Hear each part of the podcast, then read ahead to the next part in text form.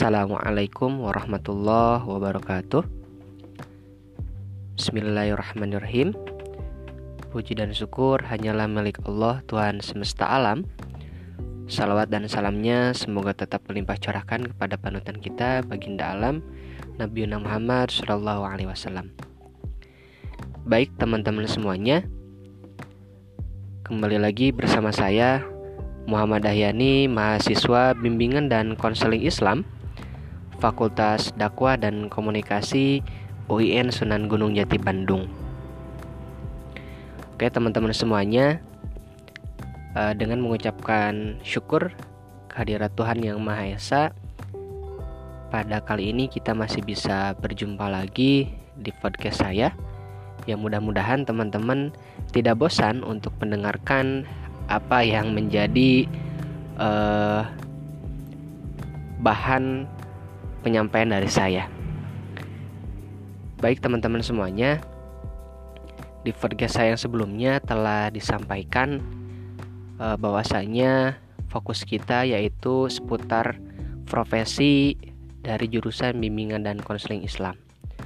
Nah, di podcast saya tempo lalu di podcast yang pertama ya fokus kita seputar profesi BKI yaitu membahas uh, tentang profesi-profesi yang ada di jurusan BKI ini. Nah, kemudian saya pun menjelaskan uh, lebih awal apa apa sih BKI itu sendiri dan mungkin itu masih belum secara gamblang saya paparkan gitu ya.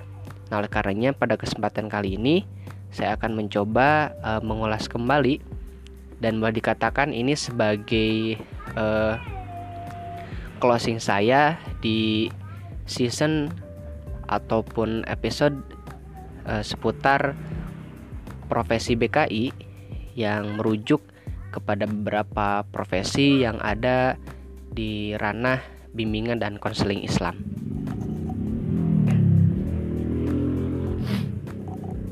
Baiklah teman-teman semuanya, seperti yang telah disampaikan tempo lalu, yang pertama, apa sih itu BKI?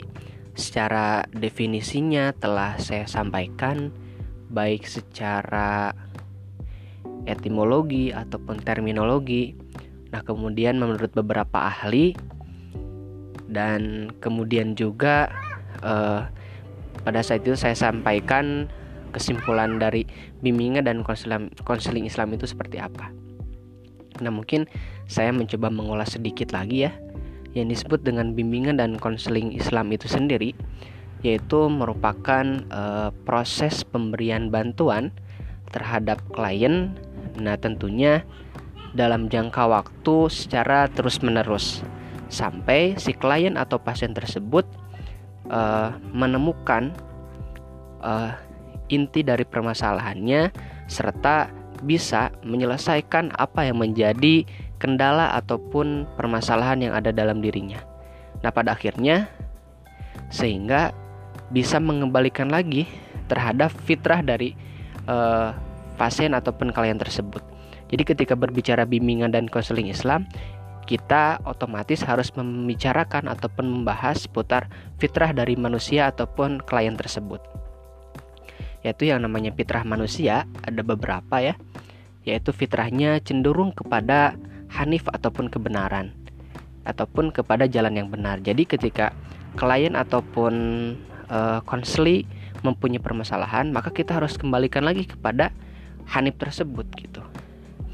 Kemudian klien juga harus uh, menemukan uh, fitrahnya itu sendiri sehingga si klien setelah menemukan fitrahnya sebagai manusia apa nah lebih jauhnya lagi nanti bisa mengembangkan potensi yang ada dalam dirinya nah jadi tujuannya pada akhirnya si klien tersebut bisa mandiri yaitu bisa mengembangkan potensi-potensi yang ada dalam dirinya Nah, kurang lebih demikian ya teman-teman seputar BKI definisinya. Nah, kemudian apa yang menjadi landasan dari bimbingan dan konseling Islam itu sendiri?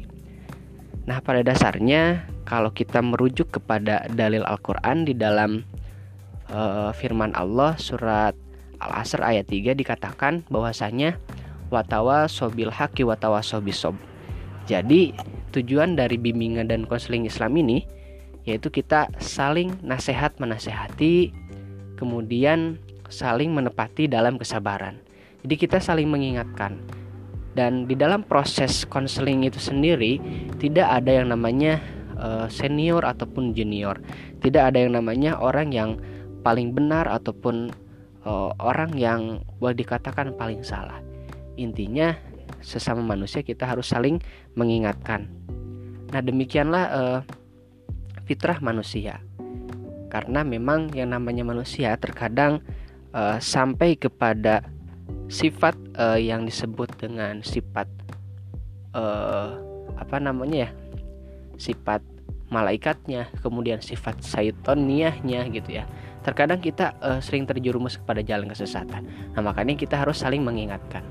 Nah, kemudian lagi uh, kita selaku manusia dalam konsep bimbingan dan konseling Islam itu kita mempunyai metode yaitu yang pertama kita dengan bil hikmah yaitu dengan hikmah ataupun kebijaksanaan ataupun pengajaran kemudian metode yang kedua yaitu ma'idhatil hasanah ataupun dengan suri tauladan atau contoh yang baik kemudian yang ketiga yaitu dengan wajadilhum bilatihi ahsan yaitu kita uh, saling berdiskusi ataupun berdebat tentunya dengan cara yang baik dan itu menjadi landasan-landasan dalam konsep bimbingan dan konseling Islam.